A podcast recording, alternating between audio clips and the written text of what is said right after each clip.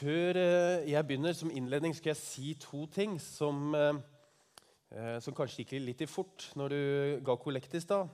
Og det er det at den helgen her, 30. september til 2. oktober, da skal vi på menighetstur. Og da reiser vi til et sted som heter Vegårdtun, som ligger på Vegårshei. Og er der fra fredag ettermiddag til søndag ut på dagen etter vi har spist middag. Og det er en fantastisk tur. Vi driver liksom og planlegger den sånn helt supert nå. Og det blir jo liksom tidenes uh, tur. For dere som var med i fjor, da var det jo noen som måtte sove i telt og campingvogn fordi vi var over 200 stykk. Uh, mens nå har de bygd nye leiligheter som er helt klare for oss. sånn at da har vi liksom plass til enda flere uten å måtte ligge i telt. Altså det er jo, ja. Og det kommer mye mer informasjon om det.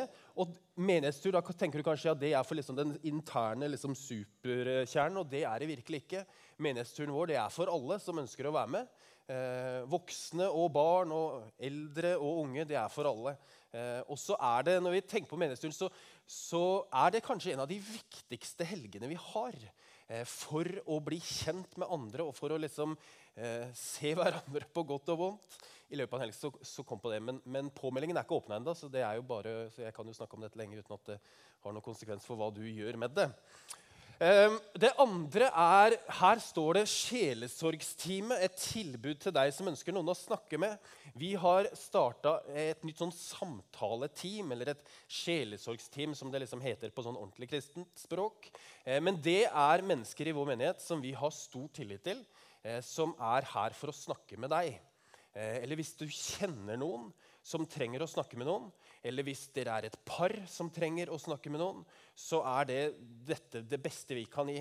Eh, det har liksom to hensikter. Det ene er at det avlaster måte, oss andre i stab. Og for dere som har hatt veiledning av meg, så har ikke det hjulpet så mye allikevel.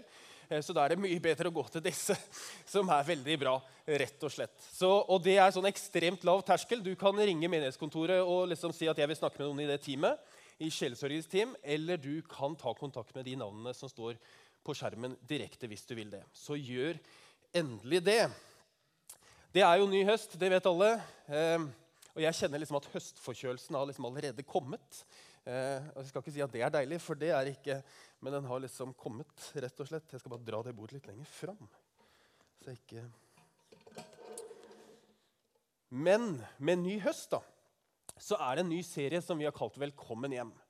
Um, og i denne serien her fram til høstferien så skal vi, som det står på det arket som du fikk i hånda, så skal vi dykke ned i verdiene våre. Eh, og våre verdier i menigheten det er pulserende, utadvendt og real. For det er jo sånn at alle hjem har jo noen verdier. Noen er skrevne, kanskje. De aller fleste er uskrevne. Og så er det noen som ligger fast, og som er absolutte. Og så er det noen som kan variere etter sesong og klima etter, og etter hva som skjer. Og så er det jo noen verdier vi liker, Og så er det kanskje en del verdier som vi ikke liker, eh, men som likevel er der, og som er viktige verdier for hjemmet vårt. Og Når vi sier 'velkommen hjem' til Skien misjonskirke, så er det jo også fordi dette hjemmet har noen verdier.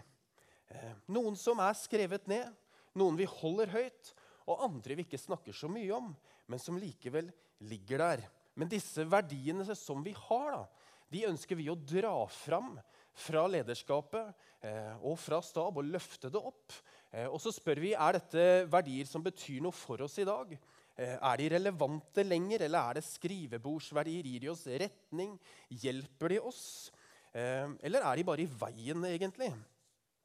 Og så tenker vi jo, Er dette verdier som ikke bare er for menigheten, sånn drift og organisasjon, men er dette verdier som faktisk kan være minneverdier? Noe som betyr en forskjell for meg i mitt liv. Og det skal vi utforske eh, de neste ja, fem ukene. blir det.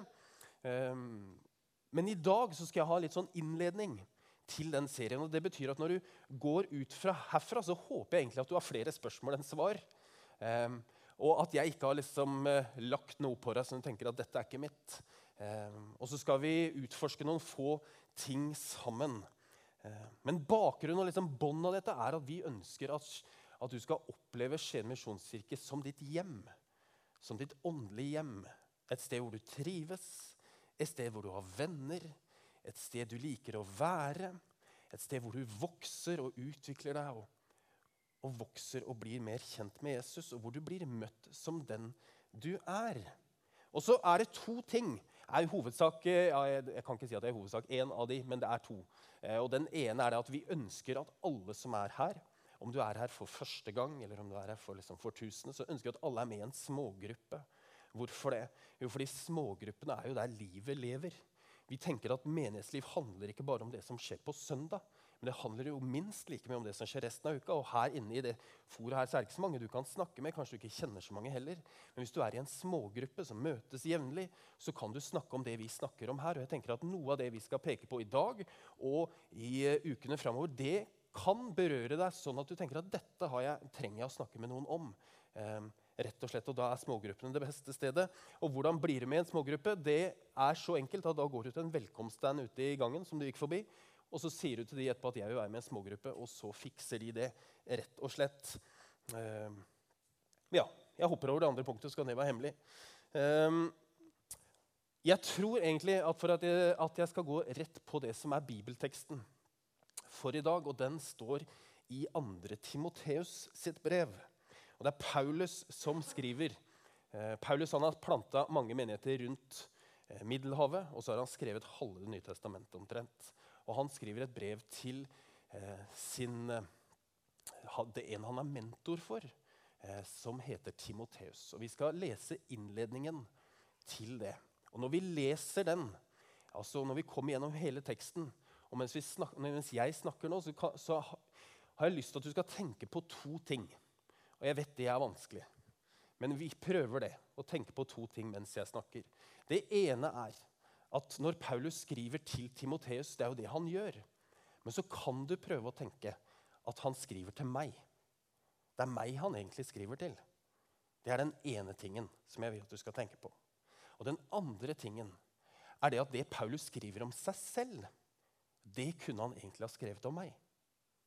Altså, Den første, at han skriver til meg, og at han, det han skriver om seg selv, kunne vært skrevet om meg. Skal vi prøve det? Kjempebra med respons. Tusen takk. Det føles så godt. Det starter altså med Paulus, Kristi, Jesu apostel, utsendt ved Guds vilje for å forkynne løftet om liv i Kristus Jesus. Paulus gir oss hans oppdrag her. Han skriver at han er en apostel. Det er ikke mange av oss som kaller oss selv for apostel. Det er mest sånn på kristen-TV og på Fornebu som man snakker om sånt. Eh, men Paulus han sier om seg selv at han er en apostel. Og så er han utsendt ved Guds vilje for å forkynne hva da? Et løfte om liv i Kristus Jesus. Og det er jo vårt oppdrag som menighet. Å forkynne liv. Et evig liv sammen med Gud. Tilgivelse for synder. At vi er kobla på det som er livets livgiver. Og at vi er kobla på en relasjon, et løfte om et liv, et annet liv enn det vi har nå. Det er jo menighetens oppdrag. Og så er også det ditt oppdrag. At du faktisk er utsendt. Du er sendt ut av Gud for å forkynne noe til andre. Hva da? Jo, et løfte om et nytt liv i Jesus Kristus. Så kan det jo ha ulik fasong og ulikt uttrykk, og vi bruker ulikt språk, og vi gjør det på ulike steder og sånt, men, men det er oppdraget vårt. Og så hilser han Timoteus, mitt kjære barn, nåde, barmhjertighet og fred fra Gud, vår Far, og Kristus Jesus, vår Herre. Jeg vet ikke hvordan du hilser hvis du skriver brev eller mail. Du skriver kanskje ikke nåde, barmhjertighet og fred fra Gud, vår Herre Jesus Kristus, til de du sender mail til, men det gjør Paulus. Og så Hvis du syns det jeg sa i stad i forhold til det med løftet om liv og utsendt at det var på en måte det, For det er jo litt sånn kronglete språk, kanskje, så tenker jeg at her så gjentar Paulus oppdraget om hva vi er kalt til å gjøre. Å spre nåde, barmhjertighet og fred. Akkurat det som Hilde sa i stad. Å spre fred. Så bruker jo vi ordene på våre verdier, pulserende og utadvendt og real. Så kan man tenke at puls, hva er puls? Jo, det er jo liv. I alle livets faser. Om det er høy puls eller lav puls eller hvilepuls eller makspuls. Sjelden har makspuls. Utadvendt, hva er det? Det kan jo understreke det det at vi, vi er utsendt for å spre noe. At vi er mer enn oss selv. Vi er til for noen andre enn oss selv. Og så tenker jeg En av mine favorittverdier av de tre da er det jo ikke så mange å velge mellom, men kanskje min favoritt, da, som jeg skal snakke mer om neste søndag, det er verdien real. Fordi real er jo også et gammelt ord, kanskje. Men real understreker at vi skal si det som er sant. At mennesker, mennesker kan være trygge på at når man kommer hit Vi er reale. Vi lurer ikke noen. Vi har ikke noe skjult agenda for deg. vi. Det er ikke sånn at du må liksom kappe av huet og, og koble av hjernen før du kommer inn her og så får du ferdigtygde svar. Nei, det er ikke sånn. Vi, vi har ikke alle svar på alle spørsmål, vi. Men vi liker å stille gode spørsmål, og det er vi reale på. Og så er det mange andre ting i den verdien som jeg skal si neste gang. Men vi kunne altså brukt det som Paulus skriver nåde, barmhjertighet og fred. Ofte så roter vi oss bort i mange ting. sant? Vi sier at Menighetslivet det handler først og fremst om gudstjeneste og tale og musikk. og Så baker vi lefser, og så er vi på julemesse, og så er vi på korbim og dansegrupper. Og det, er liksom, det, er, det, er det det handler om. Og mye mye av det er jo et viktig del av et menighetsliv. Men det er jo ikke det som er oppdraget vårt, egentlig. For hva er det? Jo, det er jo det å bringe nåde, å bringe fred, å bringe barmhjertighet til de rundt oss. Og jeg tenker, Er det ett sted hvor man skal oppleve at her er det masse nåde? Her opplever vi, opplever vi fred, og vi opplever mennesker som gir oss fred. At vi er gode med hverandre, og at vi er barmhjertige og utadvendte og viser godhet. Så er det jo her, i denne menigheten. Og hvis noen av våre ting som vi gjør, ikke sprer det, kan vi da gjøre det? Altså, det er ikke alltid at vi får dette til, det å spre nåde og barmhjertighet og fred. Og jeg ønsker så inderlig så mange ganger at jeg skulle liksom spre mer av det. Um, og så er det sånn at eh, jeg, Vi var på ferie i Spania. Jeg har vurdert veldig om jeg skal fortelle dette. Uh, men så tenker jeg, dere har jo, har jo vært mye respons så langt.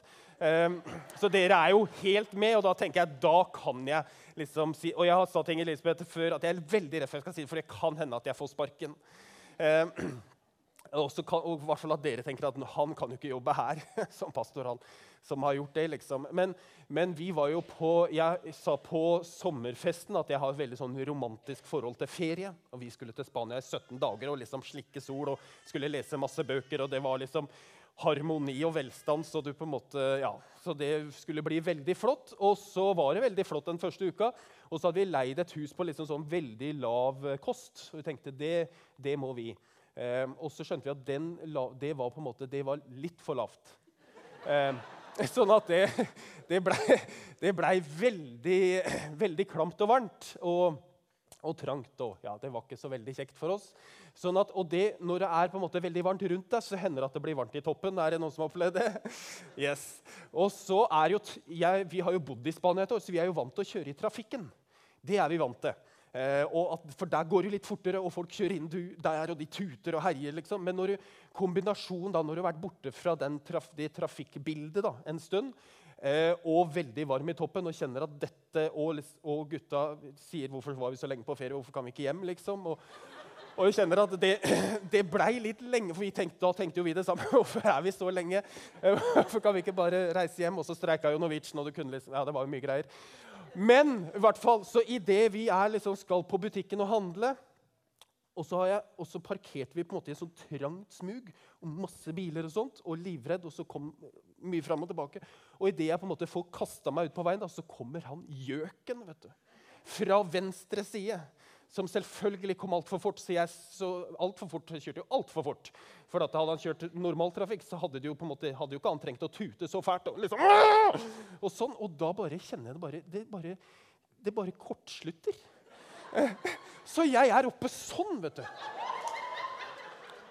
Og så hører jeg fra, bak, 'Pappa!'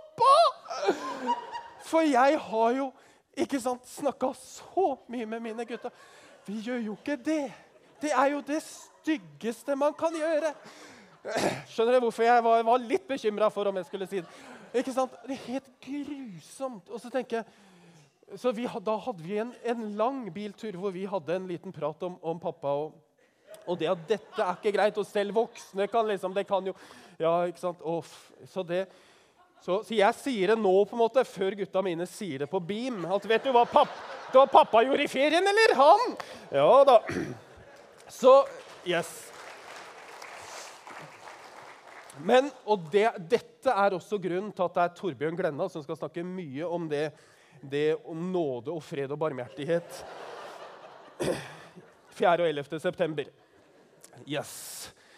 Paulus han fortsetter og sier, 'Jeg takker stadig for deg' 'og husker på deg natt og dag i mine bønner til Gud', 'som jeg tjener med en ren samvittighet, slik som mine foreldre'. 'Jeg glemmer ikke tårene dine' og jeg lengter etter å se deg igjen. Det ville gjøre meg inderlig glad. Jeg husker din oppriktige tro, som først bodde i din mormor Louise og i din mor Evnike, og jeg er overbevist om at den også bor i deg. Det Paulus snakker om, det er det at Timoteus er hans bønnebarn. Mange av oss, meg selv inkludert, er et bønnebarn. Jeg vet at Mine foreldre, mine besteforeldre, tanter og onkler de har bedt for meg i mange, mange år. Og Mange av dere som sitter her, er bønnebarn. Og noen av dere er også bønneforeldre. Folk dere ber fast for. Barn eller barnebarn eller hva nå enn det er. Og så er det jo noen som også er begge deler. At vi er både bønnebarn, og at det er noen vi ber fast for. Så tenker jeg at Hvis du ikke har noen som du ber fast for, på daglig eller ukentlig basis, så vil jeg utfordre deg til å gjøre det. Og denne utfordringen egentlig uten å sette folk i bås. Man skal jo ikke gjøre det. Den går mest til deg som tenker at seniorfesten er et naturlig valg for meg i år. den høsten her. For jeg tenker at Den eldre generasjonen har et sånt kjempeansvar for å be for de som er yngre. Og så kan vi også gjøre det samme. Men, men, eh, det er min største utfordring til noen av dere i dag. Fordi bønn har en evighetsverdi. Og så vet jeg det, at det er mange unge mennesker, det er mange barn på BIM, det er mange ungdommer på loftet. Og det er mange unge barnefamilier som, som trenger at noen ber for dem. Og så tenker jeg så er det ikke sikkert at de vet at de trenger det engang. Mange av dem gjør ikke det. Men vi som har levd et liv en stund. Vi vet at de trenger det. Vi vet at den bønnen, den bærer. Paulus han skriver noe av det sterkeste i, dette, i, det, i denne innledningen. Derfor vil jeg minne deg om dette, sier han. La Guds nådegave i deg flamme opp på nytt. Den du fikk da jeg la hendene mine på deg. Og Før vi går inn i den setningen, så skal jeg bruke tre minutter på å si noe om hva nådegave er, sånn at vi er liksom på samme side. Um, at vi vet hva vi snakker om. Hva er det egentlig? Um, yes. Og nådegave er På gresk så brukes ordet karis, charisma, eller karisma. Kommer av ordet karis, charis, som betyr nåde og velbehag. Og nådegave betyr altså da gave gitt av nåde. Eh, og videre fra dette charis har vi liksom fått karismatiker og karismatisk og sånt. Eh, men så har ordet nådegave har i Nytestamentet egentlig to eh, typer betydning. Ikke egentlig to typer betydninger, men to typer settinger. Den ene er, kan vi lese i Romerbrevet 6,23, hvor Paulus skriver Guds nådegave. Hva er det? Jo, det er evig liv i Kristus Jesus, vår Herre.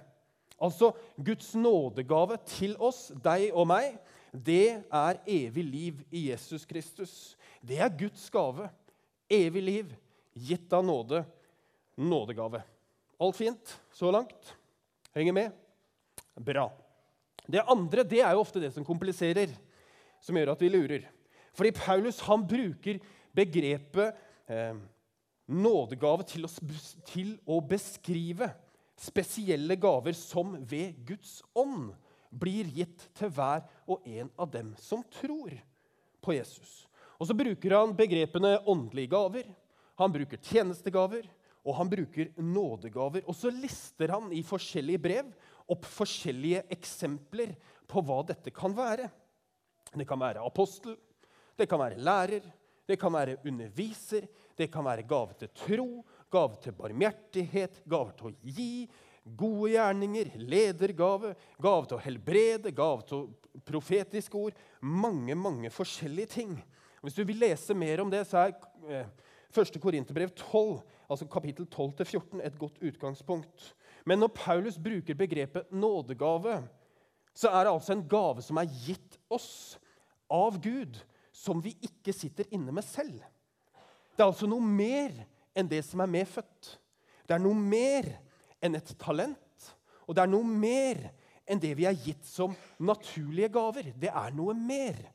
Og selv om det ofte kan være en viss sammenheng mellom, og tilknytning kanskje, mellom det som er gitt oss naturlig, eh, av ved fødsel, og, og talenter, og natur, sammenheng mellom det og nådegaver, så er det for Paulus et utrolig viktig poeng at nådegaver er en del av, av frelsen ved Jesus Kristus. Det er ikke en del av skapelsen. Det, ikke, det hører nådens rike til, ikke naturens rike. Fordi det evige det hører til det evige riket. Fordi gaver som er gitt av nåde, det hører til et nådens rike og skal tjene nådens husholdning, om du vil. Og Derfor skriver Paulus at nådegaver, at de åndelige gavene, er gitt til menigheten. Til menighetens oppbyggelse, til menighetens vekst. Og Derfor utfordrer han menighetene og Timoteus til å søke de åndelige gavene. Han skriver i 1. Korinterbrev 12 at hos hver enkelt, hos deg, gir Ånden seg til kjenne slik at det tjener til det gode. Så du er gitt noen gaver av nåde, i nåde, som Gud ønsker at du skal bruke til hans ære i menigheten.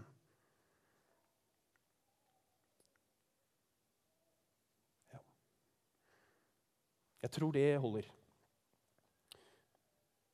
Jeg sa at nådegavens hovedfunksjon er for å bygge opp menigheten. Og når man sier det, så tenker jo ofte hvor er liksom menighetens viktigste plass? Det er jo gudstjenesten. Sant? Det er der vi møtes sammen, og det er der nådegavene skal virke. Er det det som er menighetens viktigste plass for å bygges?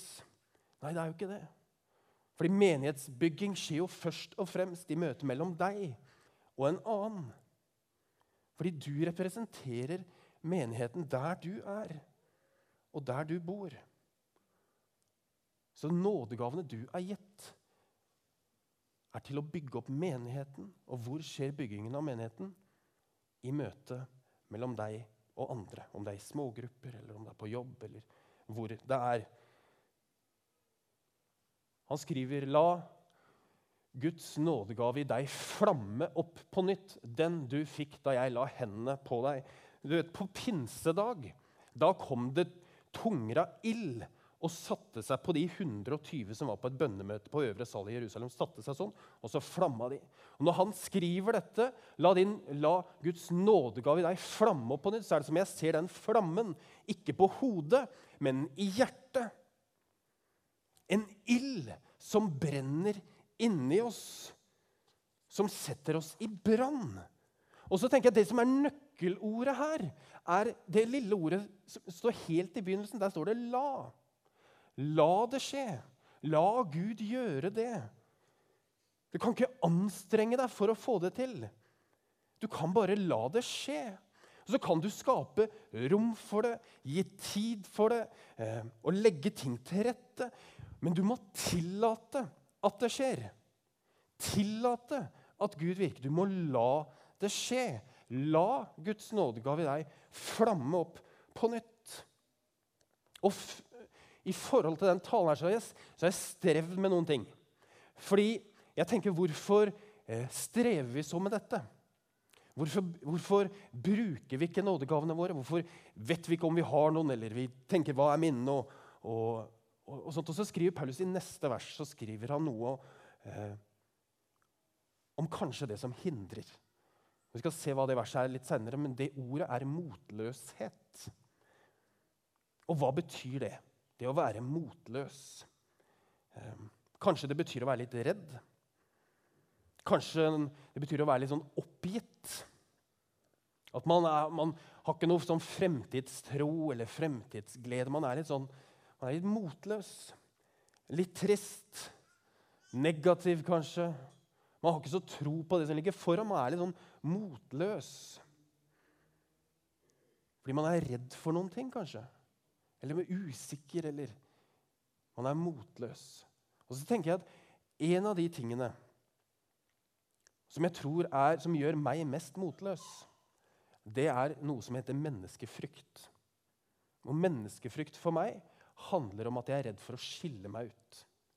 Jeg er redd for å være annerledes og ta noen rare valg som, eller som andre syns er rare. Vi har tatt noen valg i vår familie liksom, for det neste år som folk tenker liksom, er, Det er jo veldig rart, da. Veldig merkelig, det. At dere skal gjøre det. Og da kan jeg bli litt sånn motløs. tenke, Men er ikke det bare fint, da? At Maria skal være hjemme et år til med barnet. Liksom, skal ikke i barnehage. Nei, Det er veldig rart det for mange. Å ta noen valg. Og så blir vi litt sånn redde kanskje for å tillate at Guds Nå kobler ikke jeg det med å være hjemme med nådegave, bare så det er sagt med, som et eksempel. Eh, jeg tror ikke Maria er veldig glad for det. Eh, jeg skal si mer om dette neste gang. Men jeg har lyst til å si jeg tror at hovedgrunnen til at mange av oss er litt sånn likegyldige Spiller det noen rolle, egentlig? Jeg har ikke tid til det, eller Tenk hva som skjer. Kan, det liksom, kan, det, kan den flammen Vi vet jo ikke hva som skjer hvis den flammer opp på nytt. liksom. Jeg, jeg, har ikke tid til det, jeg. I mine aktiviteter og alt det vi skal være med på. liksom. Tenk hvis jeg plutselig må dra på et bønnemøte eller reise ut i misjon. Liksom. Jeg har ikke tid til det så tror jeg noe av det handler om det å, en redsel for å skille oss ut. For noen så vet jeg det at det handler om hva noen eller noe, ofte noen, har sagt til deg, som gjør at du tenker at 'jeg er ikke verdt noe', jeg, 'Gud kan ikke bruke meg'. For noen handler om det. Men for veldig mange av oss lurer jeg på om det handler litt om en frykt for å være annerledes, bli sett annerledes på, eh, fordi vi kanskje tar noen andre valg enn det majoriteten gjør. Og da blir jeg så trist. For jeg tenker at vi vet ikke hva vi går glipp av. Vi vet jo ikke hva som skjer hvis vi tillater at Gud tenner den ilden som kan brenne i oss. Husker Jeg sa i starten det med å ha to tanker i hodet på en gang. Eh, at Paulus skriver til deg. Hvis du er en av dem som er liksom innenfor dette motløshetsbegrepet, så skal du lese det som står her. Fordi Gud ga oss ikke en ånd som gjør motløs. Hva var det vi fikk? Vi fikk Ånden, altså Guds ånd, som gir kraft, den gir kjærlighet, og den gir visdom. Kraft som modighet, besluttsomhet, det å våge å være real, kjærlighet til Gud og til mennesker og til de rundt oss. Og visdom, en sånn klokskap. Noen kaller det for en sånn eh, og det å ha en sunn sjel, eller det å ha et liv i indre balanse, handler om det å være vis. Ja. Så kan jo du velge, da, også, om du vil la deg lede av den ånden som, som er så lett å følge, som gjør motløs. Eller om du vil tillate at Gud leder din ånd sånn at du kan møte verden med nåde, barmhjertighet og fred. Denne høsten så drømmer vi om at mange folk i den menigheten her, de som kommer til, og dere som er her allerede, blir satt i tjeneste. At vi ikke bare sitter i benken og på en måte og er med, men at vi tillater at den flammen brenner opp. Ikke brenner opp, da, men at den blir satt i brann. Vel, jeg har snakka altfor lenge. For det er jo det, altså kan, Jeg kan jo stå her og male ut sant? uke etter uke uten at det spiller noen rolle. Det er jo vi sammen, som menighet, som må la Gud tenne den flammen. Og som gjør at vi våger å, si vet du hva, 'Jeg er god på det, jeg'. Jeg er kjempegod på det. Jeg har lyst til det. Du hva? Jeg, jeg, lurer, på, jeg, jeg lurer faktisk på selv om jeg, lurer på om jeg skal være med i ungdomsarbeid. Liksom. Jeg lurer på, kanskje, kanskje jeg skal begynne å hekle til julemessa. Liksom. Dårlig eksempel. Kanskje. Og, men at, vi, at, vi, at, ikke vi er de som sier 'nå har vi behov for det', 'nå har vi behov for det', 'nå har vi behov for det', nå har vi behov for det, 'kan du gjøre det', 'kanskje, kanskje kan du', 'og du, jeg tror du er god på det'. Men istedenfor at vi sier 'vet du hva, dette kan jeg', at vi kan reise oss med en litt sånn selvtillit og si 'vet du hva, jeg tror Gud har gitt meg disse gavene'. Jeg ønsker å bruke dem. Jeg ønsker å utvikle dem. Jeg ønsker å tjene der jeg bor med dem. Og gjøre det. Og jeg ønsker å være her i menigheten og tjene med det. For dette er mitt hjem. Dette er mitt andre hjem mitt åndelige hjem, mitt hovedhjem kanskje. Jeg ønsker det. Og det, det, vi drømmer om det. Ikke for at vi ikke skal slutte å ringe og telefonregning skal bli billigere. Det blir jo ikke det allikevel, for vi har jo sånn fastpris. Men, men, men, vi drømmer om at ikke det er liksom her driven kommer fra, men at det er der. Det er det vi drømmer om. Har dere lyst til det? Ja. Da er vi ferdig. Skal vi be en bønn? Vi ber en bønn. Og så skal vi synge noen sanger. Et par sanger tror jeg, jeg tror vi gjør det, Hilde. Herre, takk for din nåde, som er så stor og så rik at vi nesten ikke aner hva vi skal gjøre med den. Men nå ber jeg, Herre, om at vi skal tillate at den flammen av gaver, åndelige gaver, tjenestegaver, nådegaver, skal tennes på nytt i vårt hjerte. At vi ikke skal være så opptatt av det som skjer rundt oss.